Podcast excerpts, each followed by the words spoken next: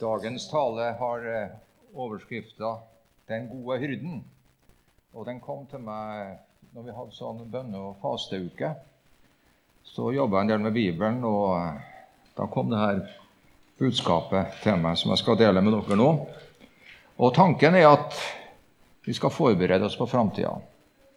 For framtida er nå litt mer usikker enn den var for en måned siden. Og det der må vi ta høyde for. Og jeg tror på en måte Gud forbereder oss på det som skal skje, litt, og oss, gir oss påminnelser. Og han, eh, i hvert fall så minte han meg på noe sterkt om det å ha den gode hyrde, og ikke den onde hyrde som sjefen og guiden i livet.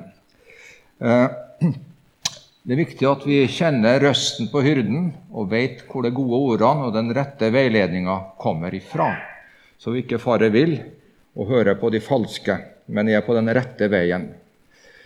Eh, det der er det jeg husker fra skolen, oppveksten min, om eh, Jesus som den gode hyrden. Det er læreboka. Forsida på den husker jeg ennå. Det er mange år siden. Det bildet der av den eh, hyrden som kommer ned og finner en sau som ligger der. Vi for som gutter og klatra mye i fjellene og bergene og sånt i Trondheim. Så det var litt sånn farlig business av og til. Men så der tenkte jeg mye på da at se her er en som kommer og finner en som er skada i terrenget. Så det var det bildet jeg hadde. Jeg husker ingenting fra den boka der. Men forsida husker jeg veldig godt. Gud taler og gjennom bilder og visuelt ofte. Så det er en del av, av det vi ser for oss.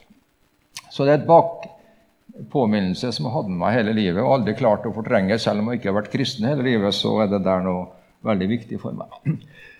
Ok, Bakteppet nå det er altså at vi for en måned siden starta det en krig. Vår eh, naboland i øst gikk til angrep på et annet naboland. Det er per dag, ifølge Reuters, i dag er det ca. 21 000 som er døde. Like mange ca. er skada. Ti millioner mennesker på flukt. Nå kommer en del av dem til Tromsø. Har allerede kommet. Så vi vil merke det, og vi vil forberede Kirka på det også, for det er mange kristne blant dem som kommer nå. Fra Syria, når de kom derifra, så var det veldig få kristne. Selv om vi hadde språkkurs for dem også, så var det ikke så mange som liksom hadde den bakgrunnen som eh, var sogna til kirke. Men nå kommer det mange av dem. Det er ti millioner på flukt. Skaden, materielle skader er per, etter en måned 119 milliarder dollar. Så det er enorme skader som har skjedd. Eh, det der har gått voldsomt innpå meg. For jeg vokste opp akkurat i bakteppet av en sånn situasjon den kalde krigen. Det var min bakvekst, oppvekst. Eh, til og med, eh, Jeg husker den dagen Russland gikk inn i Tsjekkia. Og på bursdagen til søstera mi, husker jeg. Vi hørte på en rød radio, og vi kom ut blant kamerater. Nå hadde tredje verdenskrig starta. Og, og tro det eller ei, jeg er utdanna soldat. På stridsvogn. Jeg kan betjene en stridsvogn. Så når jeg så de krigsbildene der med tanksen som kom Jeg kan alt om det, de tanksene og hvordan instrumenter som er der, og hvordan man skal bruke dem. Ikke akkurat de modellene nå, da, men det var den tyske Kamphanser Leopard som jeg var utdanna på. Jeg var litt liten og spretten, så jeg kunne lade kulene veldig fort og hadde mye sånn punch for å få det her til å fungere. Slik at jeg har vært der. Vi lå og venta på russerne, vi. Og hadde mobiliseringstid på 20 minutter. Klar stasjon, het det. Da skulle vi være klar dag og natt. Og det der våkna til live igjen litt i meg, må jeg innrømme. Og så en annen ting. Jeg har jobba på universitetet i mange år og fikk, masse penger for å reise til Russland når det åpna seg, med glasnost og perestrojka. Jeg har vært i Russland mange ganger og liksom kom i dialog med dem. For de er jo på andre sida av grensa. På Kirkenes det bare å kjøre bil over, så er du der. Eh, det er ikke langt. Og Vi har snakka med dem og møtt dem og fagpersoner. For myndighetene sa til oss bruk sjansen mens det er åpent, og knytte relasjoner. For vi vet ikke hvor lenge det varer. Så jeg har møtt mange av de der nære fagkollegaene i Murmansk, eh, eh, Arkangelsk, St. Petersburg eh, og Petrozavodsk. Mange besøk og møtt folk ganske høyt oppe i systemet også. Snakka med dem. Og også spurt litt om det med holdninger og sånt. Og De sier veldig klart om Norge at vi har en høy stjerne i Russland. Fordi vi har aldri slåss mot dem. Aldri krenka Russland. Det har vi ikke gjort, heldigvis. skulle jeg til å si. Eh, så de sier at de vil aldri angripe Norge pga. relasjonen fra andre verdenskrig. da. Eh, og de trakk seg jo tilbake. De hadde jo en god del av Nord-Norge etter eh, første verdenskrig, når freden kom. Allikevel, i og med at vi slåss sammen, så tar de aldri no, noe fra en, en, som har våpenbror, for å si det sånn. da. Så de trakk seg tilbake til gamle grenser. Stalin ga ordre om det, til og med. Eh, så vi har ingenting å frykte, sier, sier de da. Og jeg tror på det, altså. Så jeg sover veldig godt om natta. Men verden er jo mye større enn Norge, og usikkerheten er tent på nytt. Derfor så trenger vi å tenke framover og forberede oss på det som eventuelt kan komme. Nå har vi på en måte rykka tilbake til start i forhold til, til vår mektige nabo i øst. Og mitt, søsk, mitt barnebarn sa når vi besøkte dem på fredag Han Putin Hvordan skole har han egentlig gått på, han? Klarte ikke å forstå. Det er meningsløst for oss, da. Så verden er ikke nødvendigvis så, mening, så meningsfull når du kommer under huden på mennesker. Ti millioner er på flukt. Det første som gikk ut i Ukraina, var les og be Salme 31. De gikk ikke på Salme 23, som vi ofte ville gjøre. De gikk på 31. Det skulle alle kirkene Jeg hørte en appell fra en, en ukrainsk eh, pastor. Alle kirkesamfunn, vi skal nå be hver dag Salme 31. Det er av David. Det er en veldig sterk salme. Det går ikke an å lese den opp. Du må, du komme på innsida av den. David var jo eh, den som kjempa mot Goliat og vant. Med teknologi, da. Han var underdog, men han noe, fikk noe ekstra kunnskap og hjelp som gjorde at han klarte å vinne. da. Men her er en bønn fra han, da. Salme 31. Herre, jeg søker tilflukt, tilflukt hos deg. La meg aldri bli til skamme. Fri meg ut i din rettferdighet. Vend øret til meg. Skynd deg og redd meg. Var på grensa til å bli tatt. Vær med et vern, en klippe, en borg til frelse.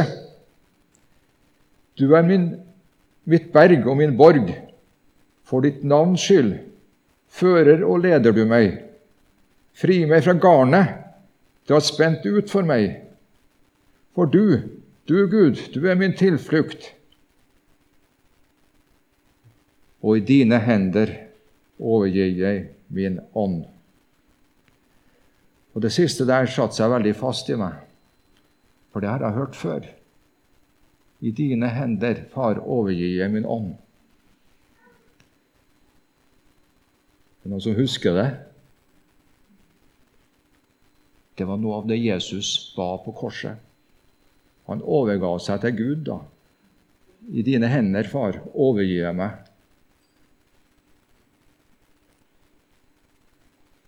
Det er en av Jesus syv ord på korset som jeg skal komme tilbake til. Det er det siste ordet. Det er en bønn. Det er en bønn om at han overgir seg til Gud, far. Og Det første ordet det er 'Far, forlat dem, for de vet ikke hva de gjør'. Så det er ikke alle som klarer å holde, forkynne fra et kors når du holder på å dø.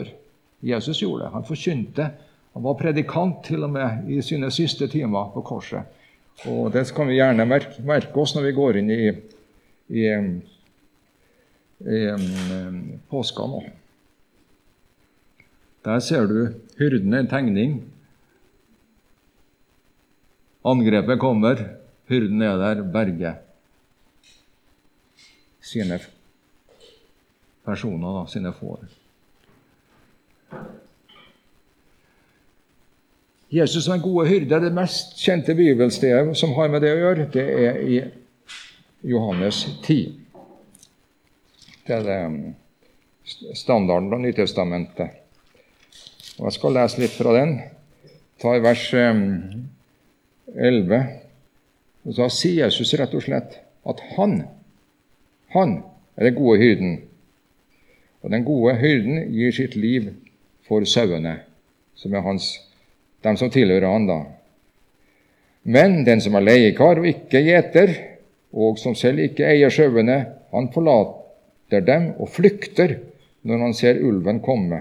Og ulven kaster seg over dem og sprer flokken.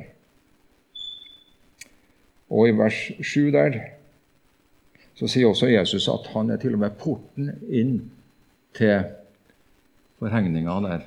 Det er en port som vises litt dårlig her, men der ser du Altså, han er passordet inn. Han er identiteten, den som gir oss eh, passet vårt, inn i flokken, inn i den konteksten som er hans eh, folk, da. Han er både sjef og rådgiver og den som autoriserer oss til å tilhøre den gode flokken, der han er den fremste. Og vår oppgave er å følge hyrden og det han sier. Liksom det der. Han går først. Han viser vei til vann der du får slukka tørsten, til mat, til de gode kårene og viser troskap mot Han ved å lyde Hans røst og ikke lyde de alle de andre. Og Du ser hyrden. Han går først i flokken. Han leder. Han er liksom den som blinker ut løypa vet hvor det er farbart terreng, og hvor framtida er å finne. Så Derfor er det viktig at vi lærer hyrderøsten å kjenne, og ikke lytte på de falske røstene. For Det er mange som kommer til å være forfalske Guds ord og snu på tingene i vår tid både om kjønn og om ekteskap og alt mulig, oppleves det litt av hvert som er en forvirrende ånd. Vi trenger å finne hyrderøsten som er gitt i klartekst, og som han har gitt oss. da. Han går først til beite, til vannkilder, til de grønne enger. Der det er næring å få. Vi var nede på Kvitfjell og besøkte vår, en av våre sønner i nærheten av Lillehammer for noen uker siden og et fantastisk sånn utforanlegg å kjøre. Og så oppe, oppe, i fjellene der ved Lillehammer så var det da en eh, restaurant. Liten restaurant. Ja, ja. Het for Beite. Så de er i en fin plass, de trenger beite. De trenger mat. Type sånn mannfolksjargong eh. Å være på et beite og spise mat. Eh, Hive inn på litt mat før man kan kjøre videre. Og butikken Kolonialen der heter for Fòret. Det er også litt sånn eh, landbrukssjargong, alt det der, da. Men jeg likte det godt å ha et beiteområde, noe å hente næring. Eh, og vise troskap mot den sanne eh, hyrden. Den falske klatrer over gjerdet og jukser seg fram. Er ikke, ikke innenfor det systemet, innenfor det velordna som er Guds rikes eh, måte å gjøre det på. Han er, håper, han er en tyv som myrder, stjeler og herjer og ødelegger med det som skjer rundt oss.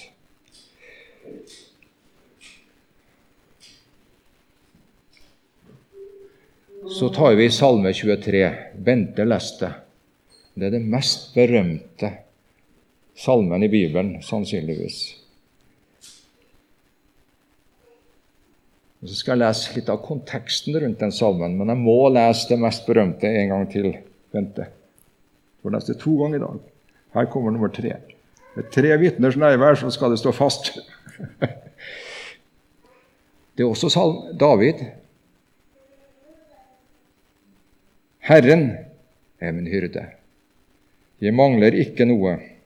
Han lar meg ligge i grønne enger, han leder meg til vann, der jeg finner hvile. Han gir meg nytt liv. Han fører meg på rettferdighetsstier for sitt navns skyld.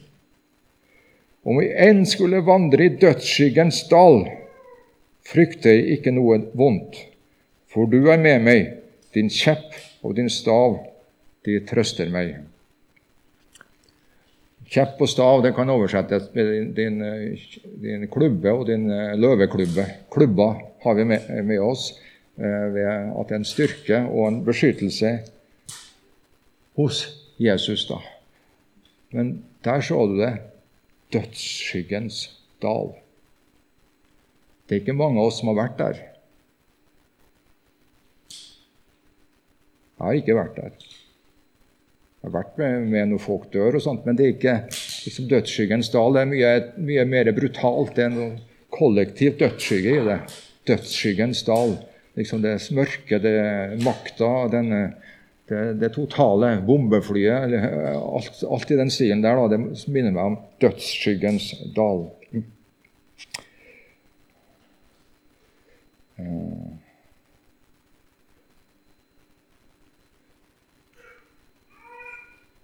Jeg fant et bilde på nettet som viser litt av dødsskyggens dal. Du er, du er innesperra. Du har ikke noe så mange fluktruter. Du er pressa på alle kanter, og der står du i den situasjonen. Det er et totalt trusselbilde som truer deg.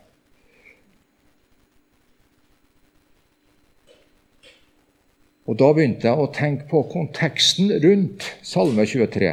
For det fins salme før, og det fins salme etter. Og de setter rammer rundt Salme 23, som er en fantastisk salme. Og blar jeg til 22, så får jeg høre noe ekstremt om dødsskygge og kaos og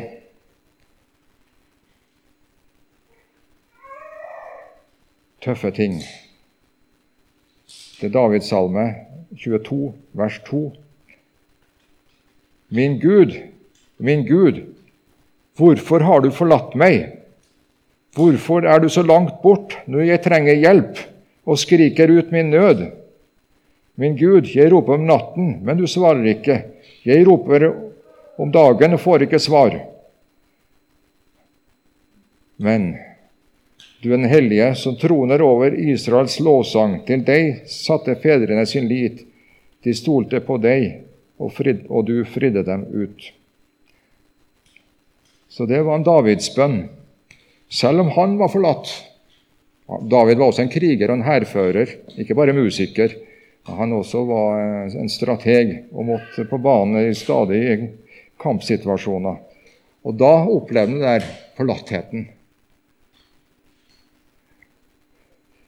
Og Han minner seg sjøl på før i tida sammen med andre. Da var du, var du, Gud på banen og hjalp til. Men nå nå er jeg forlatt. Jeg er ferdig. Halvferdig, i hvert fall. Det er like før. Jeg bukker under.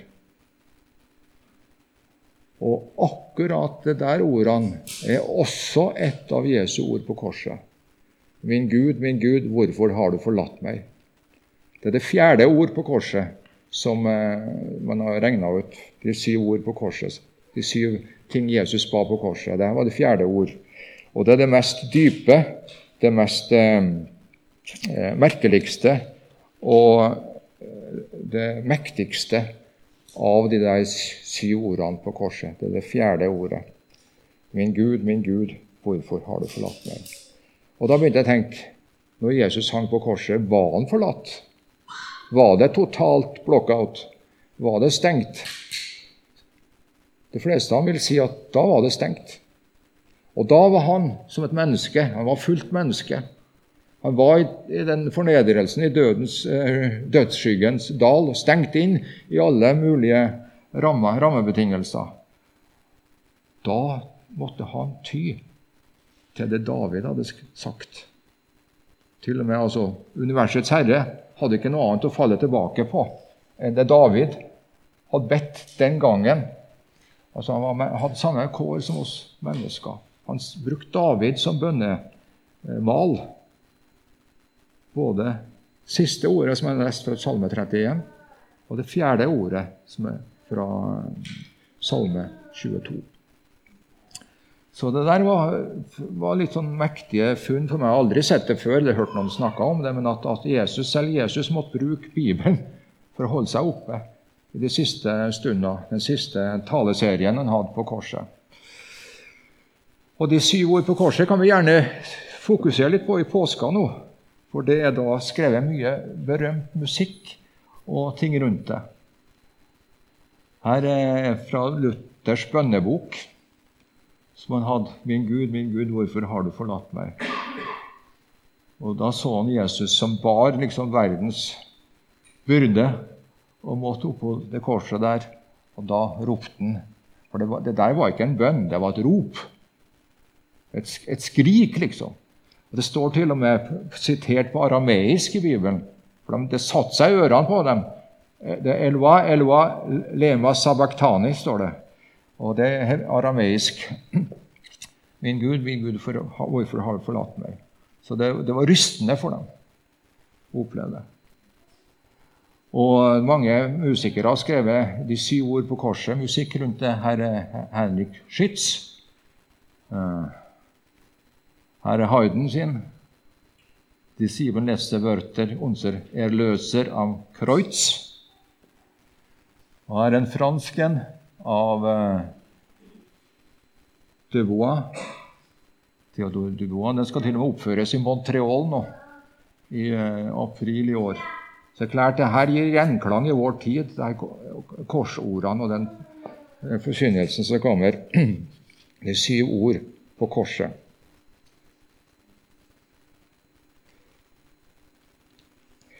Og det med å være forlatt, ikke få svar, det er det verste situasjonen du ikke får svar i. Det er når det nærmeste ikke svarer. Det er en ting at en, en gammel bekjent ikke orker å svare deg når du sender SMS, men hvis de nærmeste ikke svarer, det er det mest brutale såret du kan oppleve. Og det opplevde Jesus i en periode han hang på korset. For han måtte fullføre løpet, og det gjorde han. Så vi skal slippe å gå der. Men det er altså bakteppet for Salme 23. Og Salme 23 det er da at du trenger å vandre med Han og ha Han som sjef og guide.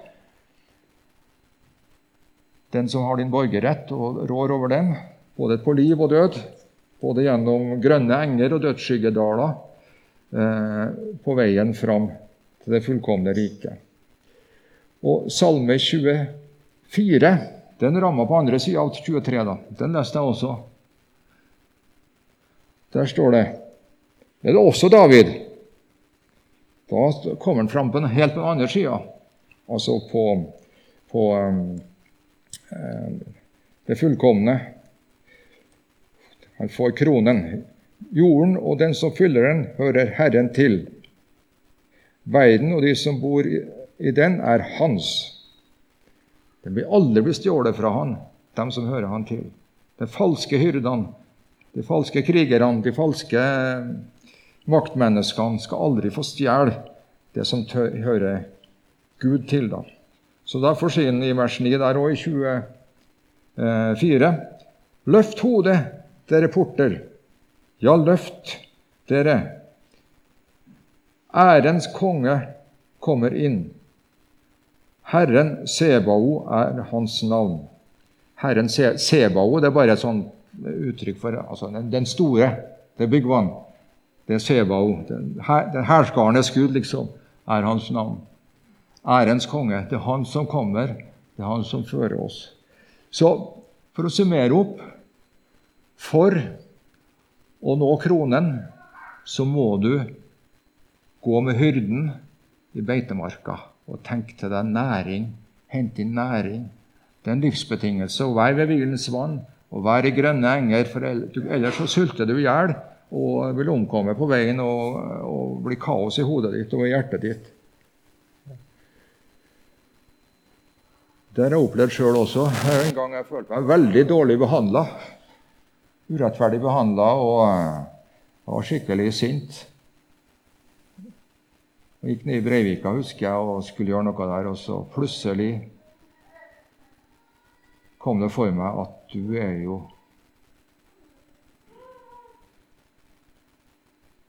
gutt til vår far. Du er gutt. Guttunge. Følte meg som en guttunge da.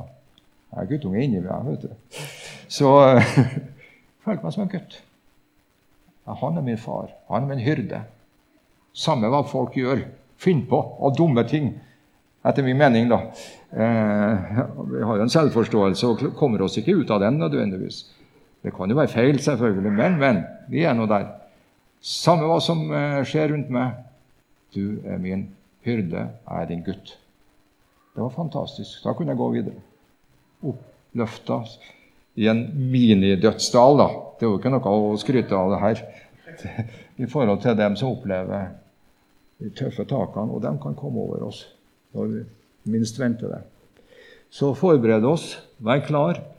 Og før beitemarka så ligger planken der, korset. Han tok den prisen. Min Gud, min Gud, hvorfor har du forlatt meg? Den skal ikke vi inn i, heldigvis, for den makter vi ikke. Hvordan David makta det, det vet jeg ikke, men, men, han skrev jo Salme 23 etterpå, så han må jo ha fått et eller annet åpenbaring, noe av Guds hellige ånd i seg, som gjorde at han kom seg videre. Vi trenger alle tre for å nå kronen. Salme 23, som vi er veldig forelska i ofte, den har bakteppe i 22, og den har fullendelse i 24, og vi lever da i midt i 23. Så Derfor er det all grunn til å trøste seg og gi seg selv styrke ved det som er skrevet der i Salme 23. Han er vår hyrde fordi han først ble vår frelser, og så vår kommende konge. Skal vi bare reise oss og innvie oss litt for tiden som kommer? Jeg skal be, tenkte jeg skulle be en bønn. For eh, vi trenger å be mye mer nå enn før, for vi vet ikke hva framtida vil bringe oss. Og Far i himmelen, jeg ber om at vi skal være folk som har evne til å lytte sannheten fra din røst. La oss ikke være tunghørt og blind og naiv og dum, men la oss høre på deg, Jesus. Og la oss være forberedt for framtida som kommer, uansett om det blir tykt eller tynt for oss. Og vi ber for dem i Ukraina, som har mista sine nærmeste, der bygningene er bomba, der ti millioner er i bevegelse nå. Vi ber for dem som kommer til Norge og Tromsø, at vi skal ta imot dem med ditt sinnelag, Jesus. Vi skal være deres grønne eng en liten periode og gi dem vann og hvile og trøst og godhet, Jesus. Det er vårt kall i verden å være en del av Salme 23 på vegne av din vilje, din godhet. La oss være slik menighet her i Tromsø. Så ber vi for alle russere som er i Tromsø også, i Norge. La oss behandle dem vel. La oss ikke behandle, gi dem skylda for det som myndighetene hos dem har gjort. Men la oss være sjenerøse og ikke stigmatisere hverandre og skape unødvendige fronter. Men la oss kunne be den bønnen som du også ba på korset. Forlat dem, for de vet ikke hva de gjør. La det her bli bønnhørt hos oss i denne tida, og la oss stille inn tankene våre på det som ligger i kortene for framtida, som du vet om. Vis oss veien, Jesus, som den gode, trygge identitet og hyrde. Amen.